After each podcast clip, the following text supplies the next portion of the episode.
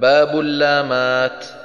وغلظ ورش فتح لام لصادها أو الطاء أو للضاء قبل تنزلا إذا فتحت أو سكنت كصلاتهم ومطلع أيضا ثم ظل ويوصلا وفي طال خلف مع فصالا وعندما يسكن وقفا والمفخم فضلا وحكم ذوات الياء منها كهذه وعند رؤوس الآي ترقيقها اعتلى وكل لدى اسم الله من بعد كسرة يرققها حتى يروق مرتلا كما فخموه بعد فتح وضمة فتم نظام الشمل وصلا وفيصلا.